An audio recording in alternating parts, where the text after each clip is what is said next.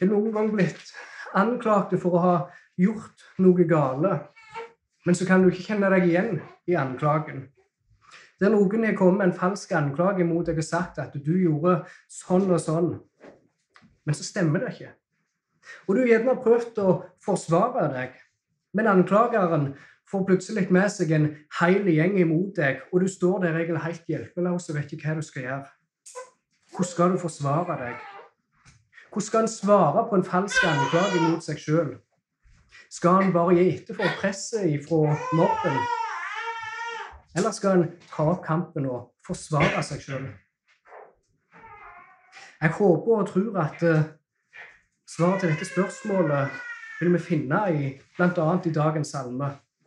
At den vil gi oss svaret på hvordan vi kan gå i møte imot falske anklager imot dere. For det er dette som er bakteppet for det som David skriver her. Og Det som er litt interessant med Salme 7, og også i likhet med andre salmer, er at den er strukturert som en historie. Vi ser f.eks. fra vers 1 til 3 så ser vi at David påkaller Gud og søker tilflukt fra Gud. Og fra vers 4 til 6 så ser vi at David han erklærer sin uskyld i anklagen imot ham. Fra vers 7 til 10 så ber David Gud om å være dommer imellom han og hans fiende. I vers 11-14 skal vi se at David får ny frimodighet og tro på at Gud vil føre hans sak. Fra vers 15-17 så vil vi se at eh, fienden skal falle for sine egne råd. Det som de prøvde å fange David på, de skal falle for det sjøl. Og så til slutt, i salmer i vers 18, så avslutter David det hele med å lovprise Gud pga. hans rettferdighet. Vers 1 det gir oss bakgrunnen for denne salmen. Det er en klagesang av David, en shigaion. Det er et uttrykk som bare blir brukt en annen plass i Bibelen, og det er i Habakuk 3.1. Og Det er noe som mest sannsynlig eh, refererer til en intense bønn, eller en klagesang, som vi leste. David skrev denne sangen, og han sang denne sangen for Gud pga budskapet han fikk ifra Kush. Det blir ikke referert til en spesifikk hendelse i Det gamle testamentet. Og vi vet ikke helt spesifikt hvem Kush er. Um, det vi vet, er at han kom ifra den samme stammen som kong Saul, som også endte opp med å bli Davids fiende. Og David, så i sin iver søker etter å bli rettferdiggjort i denne saken, i denne falske anklagen imot ham, så ber han intenst til Gud om å frikjenne ham og frelse ham. For han sier, 'Herre, min Gud, til deg tar jeg min tilflukt.' Frels meg for alle dem som forfølger meg, og utfri meg. Denne salmen viser oss at Gud er en Gud som befrir oss fra våre fiender og anklagere. Gud han frir oss òg ifra løgn som blir satt imot dere og andre farer. En falsk anklage imot dere det kan ende opp med å skade vårt eget rykte. Og i verre tilfeller så kan en løgn føre til at du mister ting. Og i av verste tilfeller så kan en løgn føre til at du mister livet ditt.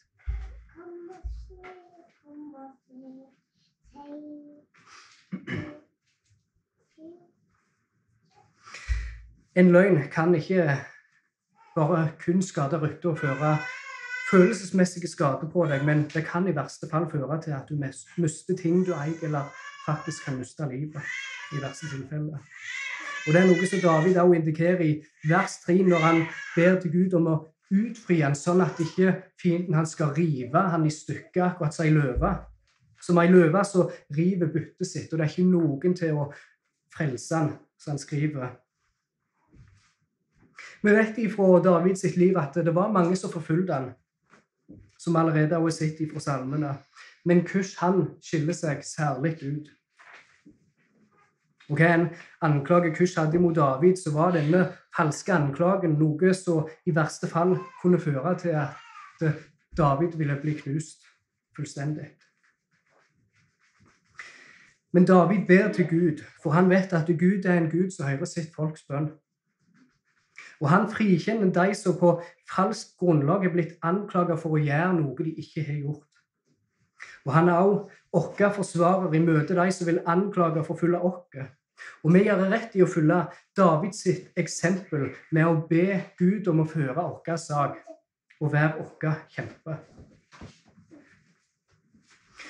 Noe som er interessant med denne salmen, som vi kan lese, det er at eh, David har en stor fordel her, for han har en ren samvittighet.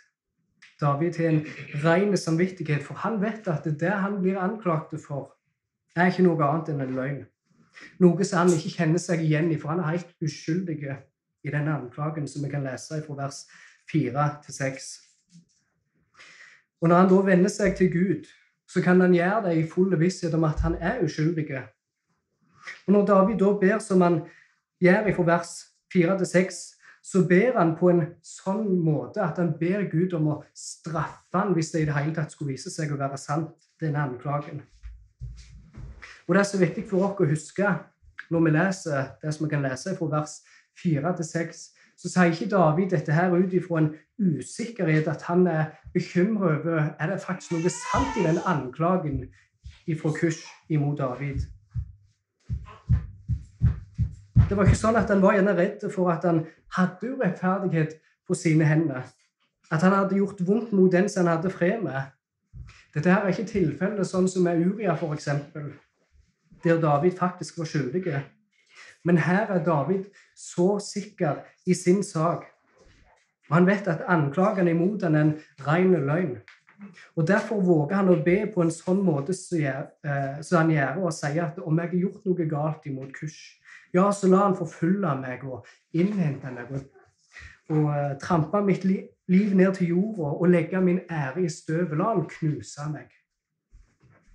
Sånn ber David. Og så sikker er David i sin sak at han våger å be på en sånn måte at ber Gud om å på, påkalle en forbannelse over ham. David var uskyldig i denne saken, men likevel så betyr det ikke han ikke kunne være offer for falske anklager.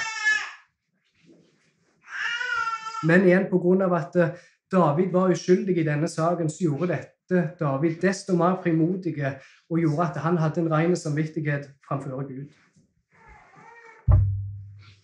Bibelen lærer oss at vi som Guds folk vi skal ikke gjengjelde vondt med vondt. Vi skal be for de som forfølger oss. Vi skal velsigne de som forbanner oss. Hvis vår fiende er sulten, skal vi gi ham mat. Hvis han er tørst, skal vi gi ham å drikke. Og når vi gjør dette, så samler vi glødende kål på hodet hans, som Paulus sier i Romerbrevet 12. Og Davids liv er jo også et vitnesbyrd om akkurat dette. For tilfellet vi har her fra Salme 7 det er ikke første gangen David opplever å få en falsk anklage imot seg eller bli forfulgt. For som vi vet, kong Saul han vendte hjertet sitt imot David for å ta livet av ham, selv om David ikke hadde gjort noe galt imot kong Saul. Og når David om et tilfelle fikk mulighet til å ta livet av kong Saul i grotta, så skar han bare av en liten, en bete av kappen til Saul, for han sa det 'Jeg vil ikke legge hånda på Guds helvete'. Og han konkluderer med å si 'La Gud være dommer mellom meg og deg'.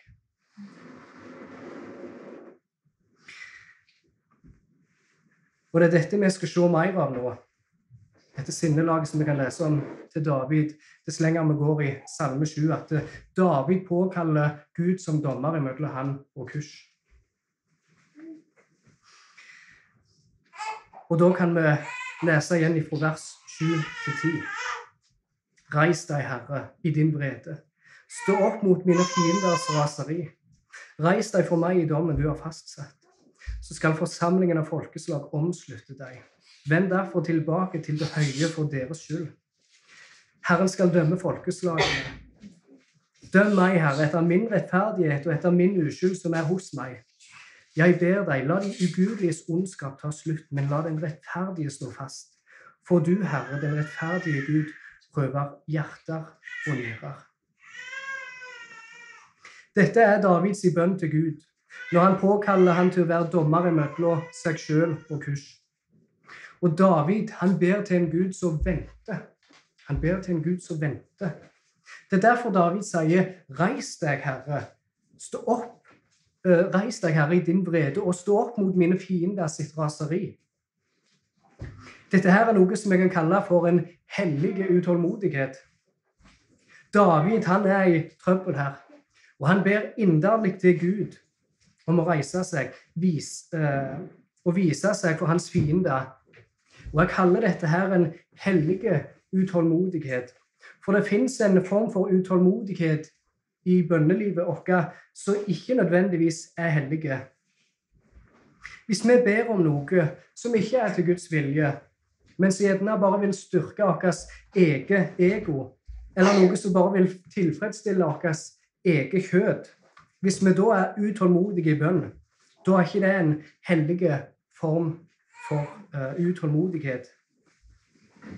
Men den måten som David her ber på, er det en kan kalle for en hellig utålmodighet. For David han ber ikke kun for seg sjøl, men han ber med sikte på at Gud skal bli lovprist, som vers 8 forteller oss. Så skal forsamlingen av folkeslag omslutte deg. Han ber med sikte på at Gud skal bli lovprist for sin rettferdighet, og at Gud reiser seg Og Det er interessant å lese det som står i, vers, i, slutten av vers 7, der det står 'Reis deg for meg i dommen du har fastsatt'. For selv om det kan virke som om dommen imot den som undertrykker, lar seg vente på, at dommen ikke blir iverksatt med en gang forbrytelsen er skjedd, så har likevel Gud fastsatt en dom imot de ugudelige, imot de som undertrykker. Og Dette forteller oss at Gud har ikke glemt. Han lar det gjerne ryke, men han har ikke glemt sitt folk som offer for undertrykkelse. Og et vers som dette må være til stor trøst for våre brødre og søstre rundt om i verden som må på urettferdige måter bli forfulgte for si tro, og ofte miste livet pga. at de er kristne. Og Vi ser jo også i Åpenbaringen 6.10 f.eks. med det femte seilet, der vi kan lese om rop fra martyrene, om disse her som mista sitt liv pga. vitnesbyrdet og som de holdt fast på. Og de roper ut, 'Hvor lenge, Herre, du hellige og sannferdige, vil du vente før du dømmer og hevner blodet vårt på de som bor på jorda?' De ber til Gud på samme måte som David gjør, med en hellig utålmodighet. Og han kaller på Gud til å dømme og hevne dem for den uretten som er blitt gjort eh, imot dem. Målet er ikke personlige hevn, over de som står imot dere, men at det er Gud som skal dømme dem, sånn at han kan bli lovprist for hans rettferdige handlinger. En sånn bønn som David her ber, skal være med og lære oss til å være hellig utålmodige med Gud i bønn. Salmer lærer oss til å be som David. Gud, reis deg. Stå opp for meg imot mine fiender. Teologisk sett så vet vi jo at Gud han gjør allting rett, og han gjør det til sin tid, som han har bestemt. Men likevel så blir vi lært det her hvordan vi kan være utålmodige i bønn på en rett måte. På samme måte som denne her utålmodige enka som en kan lese om i Lukas 18, så var i strid med en annen. Og Hun kom til en ugudelig dommer i en by, og hun førte saken sin framfor han her, dommeren. Men han gjorde ikke noe, så hun fortsetter å be og be og be. Og dommeren ble så lei av maset hennes etter hvert at eh, han ga henne rett. Hun vant fram i retten. Hun hadde òg en hellig utålmodighet, noe som denne salmen prøver å vise oss.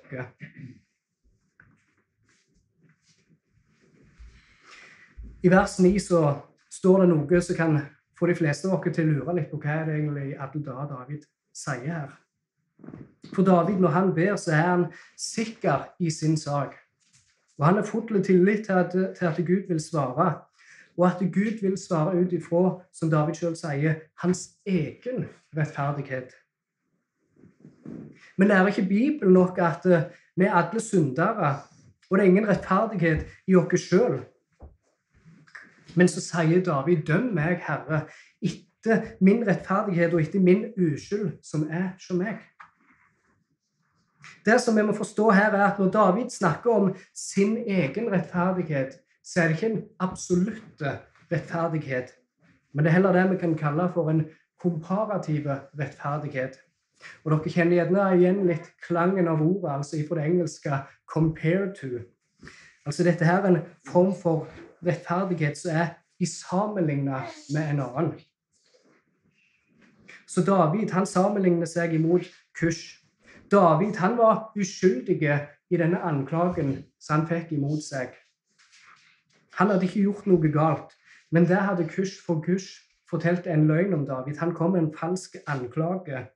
Og i denne sammenhengen så var David mer rettferdig enn Kush. Han hadde en uskyld som Kush ikke hadde.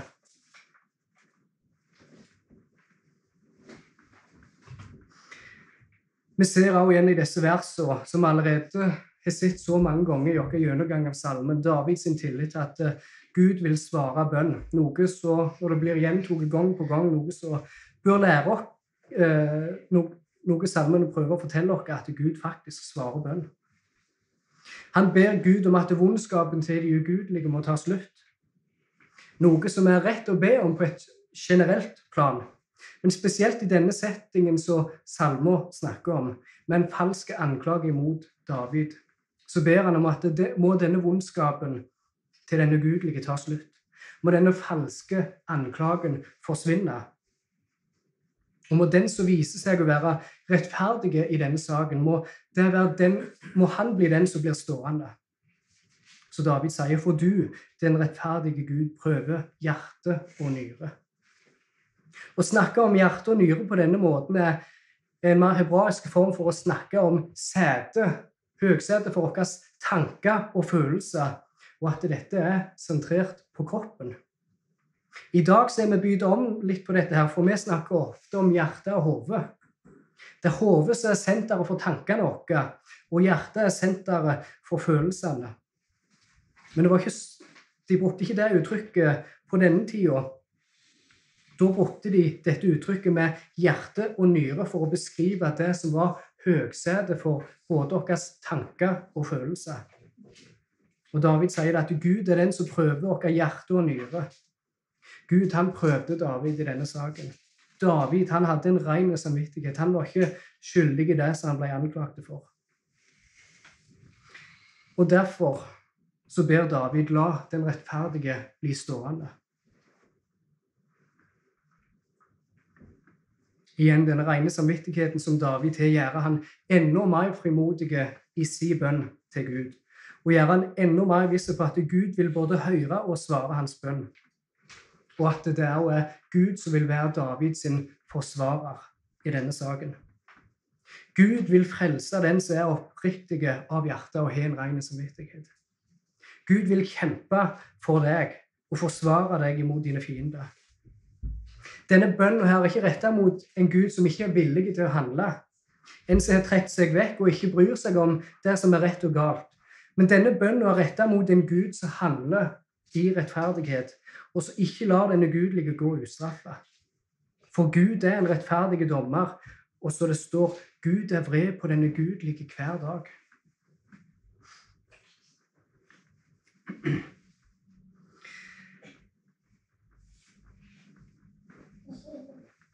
Vi har hatt for vane i dag som kristne å tenke at mennesket egentlig er gode mennesker. Men så av og til bommer på målet, er litt uheldige, tabber seg ut litt av og til. Men kan jo ikke klandres for feilene en gjør. Og at en ikke blir straffa kanskje med en gang når en synder. Vi har blitt så vant med Guds nåde at vi har begynt å forlange den, som jeg husker Håvard sa i en annen tale. Og om ei ulykke skulle skje, så har vi kommet der at vi begynner å klandre for at Gud gjør noe galt imot dere. Men det igjen viser bare hvor liten forståelse vi har av Guds nåde. Vi har blitt så vant med Guds nåde og godhet, og vi har så ofte et feil syn på menneskets åndelige tilstand at vi klarer ikke å tro det som står i vers 12, at Gud er vred hver dag. Den ugudelige, den som ikke kjenner Gud, som ikke tror på Han, Guds vrede er over det mennesket. Som det også står i Johannes 3, 36. Den som tror på Sønnen, har evig liv. Men den som ikke vil tro Sønnen, skal ikke se livet, men Guds vrede blir over ham.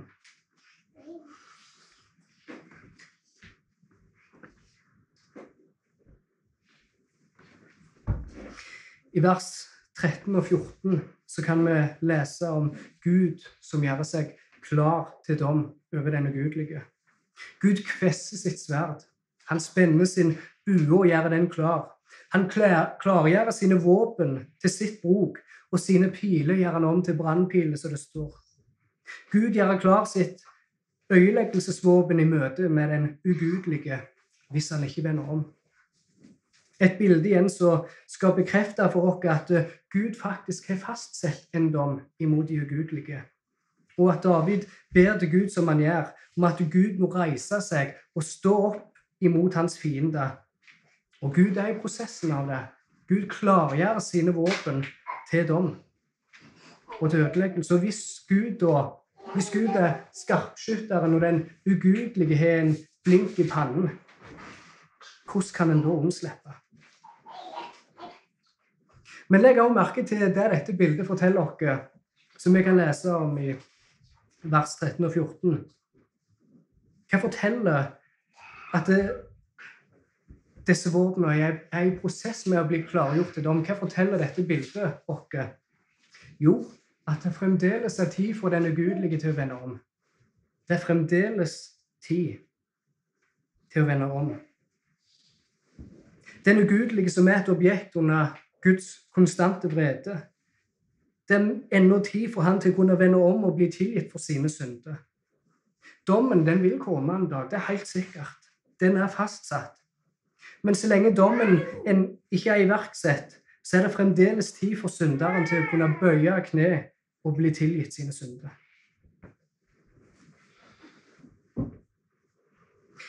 Leser vi vers 15, så ser vi at David bruker et litt spesielt uttrykk på eh, hva den ugudelige, eller Kush i dette tilfellet, har gjort. For Kush han er tydeligvis låge med noe vondskapsfullt. Han er svanger med urett. Han unnfanger ulykke og føder falskhet, sier David. Igjen, dette bildet er ikke uten mening. For dette bildet forteller oss at eh, denne falske anklagen som Kush hadde imot David, var ikke bare en spontan hendelse, noen som fant ut nå skal bare plutselig gjøre det imot David. Men dette her, plottet imot David var planlagt over lengre tid ifra Kush sin side. Hvordan dette begynte for Kush, det vet vi ikke spesifikt, men det begynte iallfall med en vond tanke om å ta David. Og Han omvendte seg ikke fra dette, her, men dyrka heller dette her plottet som han stelte eh, i stand. Og han arbeidet lenge, et svangerskap, ni måneder, om du vil. Og han lagde ei grav og gravde den ut og gjorde den klar til David, så han skulle dø og bli lagt i den grava. Dette her var vel gjennomtenkt ifra Kush sin side. Ikke noe impulsivt, men noe som var planlagt over lengre tid for å prøve å felle David. Men dette plottet, som vi kan lese i vers 16 og 17, skulle ikke ha framgang. For det står at han lagde en grav og gravde den ut og har selv falt i grøften han lagde. Hans ulykke skal falle tilbake på hans eget hode, og hans voldsferd skal komme ned over hans egen isse. I Galateren står det La dere ikke forføre. Gud lar seg ikke spotte. For det er et menneske sår, det skal han også hauste. Og det er nettopp det disse to versene, vers 16 og 17 i Salme 7, forteller oss. David som var Guds salve, en mann som Gud elska høyt. Den som vendte seg imot David og ville gjøre skade på ham, skulle sjøl få oppleve den samme skaden bli gjort imot seg sjøl. Denne grava som Kush gjorde klar til David, hele dette plottet som ble iscenesatt, det skulle falle ned over hans eget hode. Han skulle dette ned i den grava som ble lagd for David. Motstanderen av Guds folk skal ikke få seier over Guds menighet. De vil gjerne prøve å fjerne både Gud og hans folk, men de vil ikke seire. Myndighetene i landet vil gjerne prøve å innsnevre, både trus- og ytringsfrihet. De vil tvinge seg mer inn i din heim og bestemme hva dere har lov å si til å lære ungene deres. De vil tvinge seg mer inn i menigheten og framstå som herre over menigheten og skal bestemme hva som skal bli praktisert og forkynt. Og på den måten ønsker de å fjerne de som stoler på Gud og tror på Hans ord. Men det de gjør, plottet de har satt i gang, det er jeg helt overbevist om vil en dag bli til deres egen undergang. Det vil være som om de tar en tung stein og hiver den opp i lufta og tyngdekraften forteller oss at steinen vil bare dette ned i hodet på deg sjøl. Gud han er Davids forsvarer. Gud er vår forsvarer. Folk kan komme med falske anklager mot dere. De kan anklage for å ha gjort, dere for å ha gjort ting eller sagt ting som vi verken har sagt eller gjort. Og de kan pønske ut planer for å skade dere. Men deres synd vil en dag falle, falle på deres eget hode hvis de ikke vender om. For Gud er en rettferdig Gud som ikke lar den ugudelige onde Og hvis vi da, i møte med en falsk anklage, kan ha en ren samvittighet, så kan vi òg ha den samme tilliten som David har vist dere i denne salmen, at Gud vil reise seg.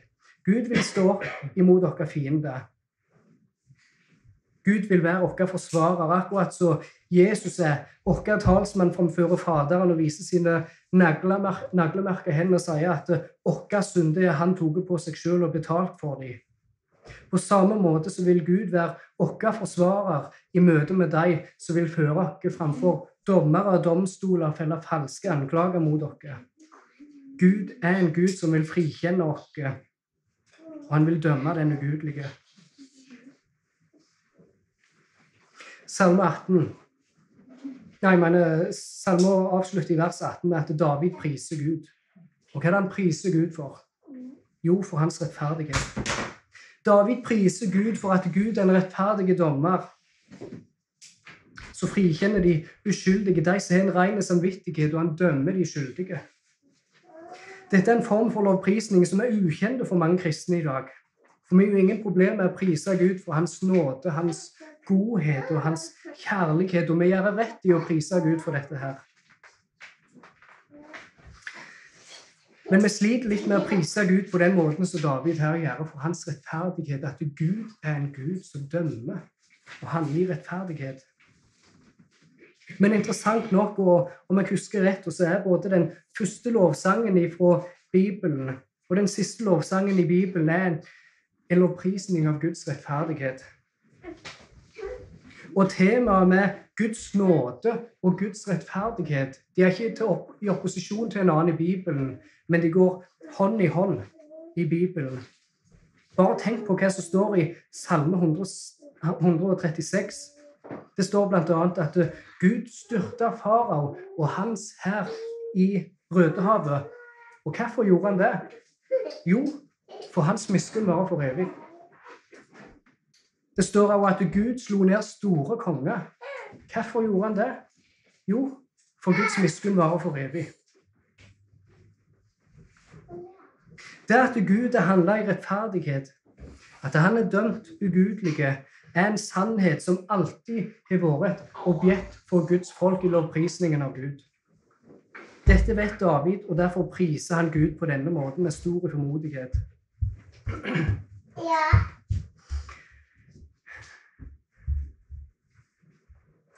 Litt tilbake til det spørsmålet jeg begynte med. altså Hvordan skal vi gå i møte med falske anklager imot dere? Skal vi bare gi etter for presset for å skape fred? Skal vi bare holde fram læren om menneskets totale syndeforderv og konkludere med at jeg er jo egentlig alltid skyldig? Men hva er naturen til en falsk anklage? Det er løgn. Det er løgn. Og hvis vi er etter for en falsk anklage, iallfall hvis den kan gjøre skade på ryktet vårt og på livet vårt, så lar vi en løgn få framgang. Og dette er ikke rett. Hvis vi kan ha en ren samvittighet i møte med en falsk anklage, så skal vi ikke gå fram med en falsk ydmykhet som om våre anklagere faktisk hadde rett i løgnen de sa imot oss.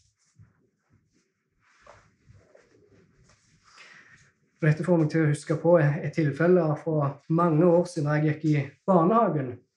Og så var vi på en eh, leir for de som skulle begynne på skolen.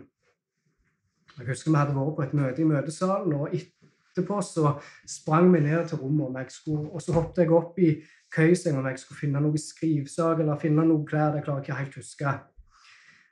De andre som jeg var på rommet, kom inn rett etter meg. Og det første de begynte å gjøre, det var å anklage meg for å ha tatt noe snop.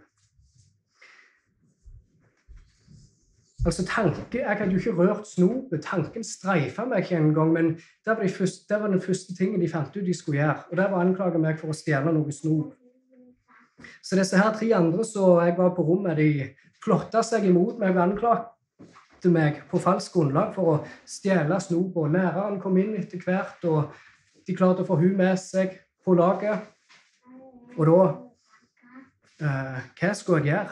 Altså tre, eller med læreren, fire stykk mot den, en liten femåring. Men jeg husker jeg sto på mitt, for jeg hadde ikke stjålet noe snop. Jeg hadde en ren samvittighet. Og jeg vet at uh, det er en historie fra barnehagen, og en kan tenke at det er litt festlig, gjerne litt nusselig. og altså Selv så lærer jeg av episoden i dag. Men samtidig så har den episoden der hengt med seg i livet mitt. Ikke pga. at jeg bærer nag til de andre, men pga. at eh, noen kom med en falsk anklage imot meg. De rotta seg i sammen. De fikk til og med læreren på laget imot meg. Men jeg visste at jeg ikke hadde gjort noe galt. Jeg hadde en ren samvittighet. Og derfor sto jeg fast på mitt eget, selv om det hadde vært mye lettere for meg å bare sagt unnskyld for at jeg tok snopet ditt, noe som jeg ikke hadde gjort. Og da kunne ting bare løse seg med en gang. Men jeg sto på mitt, for jeg hadde ikke stjålet noe snop. Jeg ga ikke etter for den løgna som de eh, sa om meg. Igjen, vi må pa passe oss for en falsk form for ydmykhet. Ofte i dag så tror vi at det er ydmykt av oss å vise en mangel på tillit til det som Gud er åpenbart for oss i sitt ord. Og vi ser på eh, og vi ser på dette her som en form for ydmykhet, at vi ikke våger å stå fast og våger å si med frimodighet hva Gud har sagt i sitt ord. Og vi har gjort det om til at eh, en sterk tillit til det Gud har sagt. Hvis det er ting vi ser Bibelen sier, og vi står fast på det Nei, sånn sier Bibelen. Så har vi gjort det om til stolthet i dag. Men det er helt snudd om ifra hva Bibelen er vår.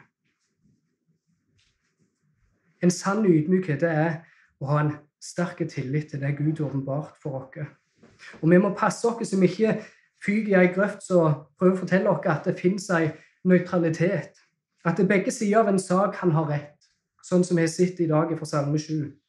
For åndelig krigføring er ikke som en fotballkamp der to lag stiller med like mange spillere, der det er en dommer, og de spiller med de samme reglene.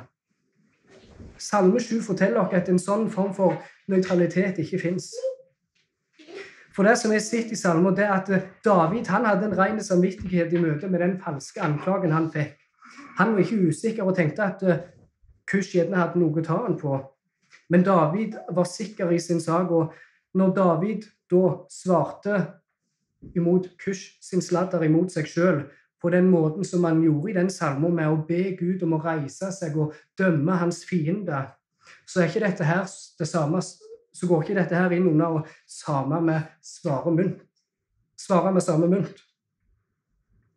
For det David her sier om sin fiende, er ikke å betrakte som sladder på litt plan som Kush gjorde.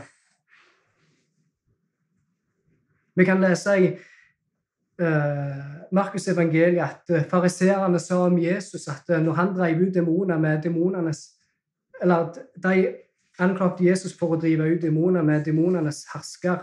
Og dette her, denne anklagen var blasfemiske. Men Jesus i Matteus 23 kalte fariseerne for hyklere. Hvitkalka graver som var bare fulle av død og urenhet. Var dette galt av Jesus å si? Nei. Og hvorfor ikke? For det fins noe som heter sannhet. Det fins en objektiv sannhet som Gud åpenbart for oss i sitt ord. Og vi er rett som hans folk i å tro på dette, her, stole på dette og omfavne det. Og det er dette som er en rett form for ydmykhet. Og når vi har denne tilliten til Gud og til Hans eget ord, og når vi òg kan i møte med falske anklager ha en ren samvittighet på at 'jeg har ikke gjort det som de anklager meg for', det som de anklager meg for, så kan vi ha samme tro som David og samme tillit til at Gud vil være vår forsvarer. Gud vil reise seg, og Gud er den som vil kjempe vår sak. Amen.